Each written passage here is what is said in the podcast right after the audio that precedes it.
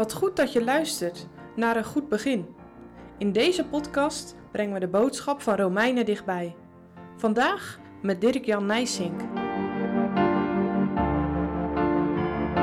Ik lees vandaag Romeinen 5, vers 15 tot en met 16. Doch niet gelijk de misdaad, alzo is ook de genadegift. Want indien door de misdaad van één velen gestorven zijn, zo is veel meer de genade van God en de gave door de genade die daar is van één mens, Jezus Christus, overvloedig geweest over velen. En niet gelijk de schuld was door de een die gezondigd heeft, alzo is de gift. Want de schuld is wel uit één misdaad tot verdoemenis, maar de genadegift is uit vele misdaden tot rechtvaardigmaking. Het gaat vandaag over een tegenstelling die Paulus maakt. Overtreding tegenover genadegift. Appels met peren vergelijken. Dat is een bekend gezegd om aan te geven dat sommige vergelijkingen niet echt zinnig zijn.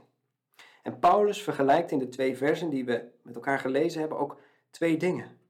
Maar dat is geen zinloze vergelijking. De vergelijking levert wel een heel ongelijk beeld op. Er komt een heel duidelijk verschil naar voren tussen Adam en Christus. En dat is eigenlijk goed nieuws.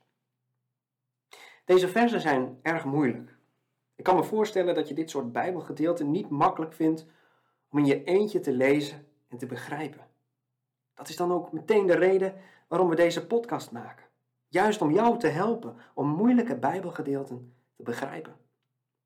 Want soms moet je moeite doen om iets moois te ontdekken. Paulus vergelijkt in dit gedeelte Adam met Christus. En vandaag staan eigenlijk twee daden tegenover elkaar: de misdaad van Adam en de genadegift van Christus. Paulus kijkt dus naar wat Adam en Christus hebben gedaan en wat het effect van hun daad is geweest. De kern van dit gedeelte is dat één daad, de misdaad van Adam, verwoestende gevolgen heeft voor alle mensen na hem. Dus de gevolgen van de misdaad van Adam zijn desastreus voor alle mensen. Daartegenover staat dat wat Christus gedaan heeft. En Paulus noemt dat de genadegift. En die is wat de gevolgen betreft precies het tegenovergestelde van dat wat Adam veroorzaakt heeft. je moet Paulus goed begrijpen, want hij spreekt hier op een algemeen niveau. Dat wat Adam deed, gaat heel de mensheid aan. En dat geldt ook voor dat wat Christus heeft gedaan.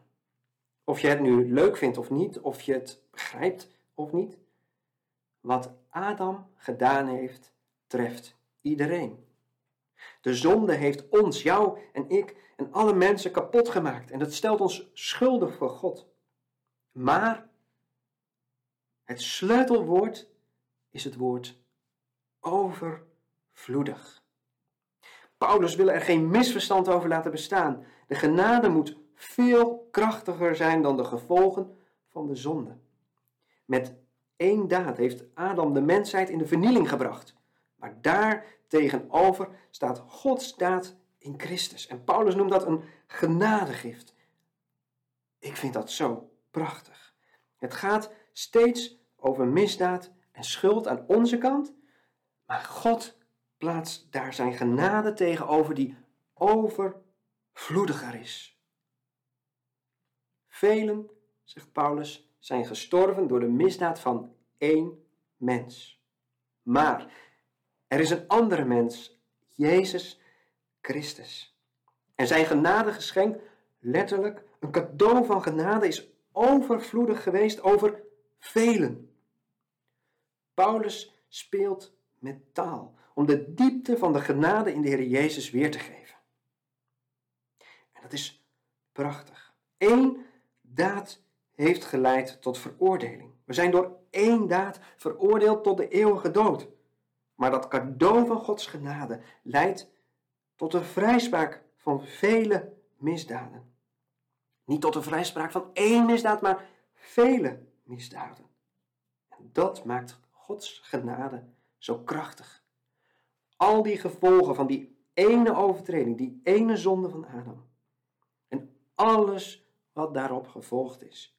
Die vele overtredingen zijn bij elkaar kleiner dan dat ene genadegeschenk van God in Christus. Het was vandaag best moeilijk. Luister de podcast nog een keer. Ik hoop dat je niet afgehaakt bent. Dat je hebt gemerkt hoe hoopvol de Bijbel is. Er is een overvloed van genade die in staat is alles wat zonde is uit te wissen. Je bent een mens, je bent een kind van Adam. Dus dat genade cadeau van God wordt ook jou vandaag aangeboden. Er is overvloed van genade in Christus. Kom dan tot deze heiland en zaligmaker.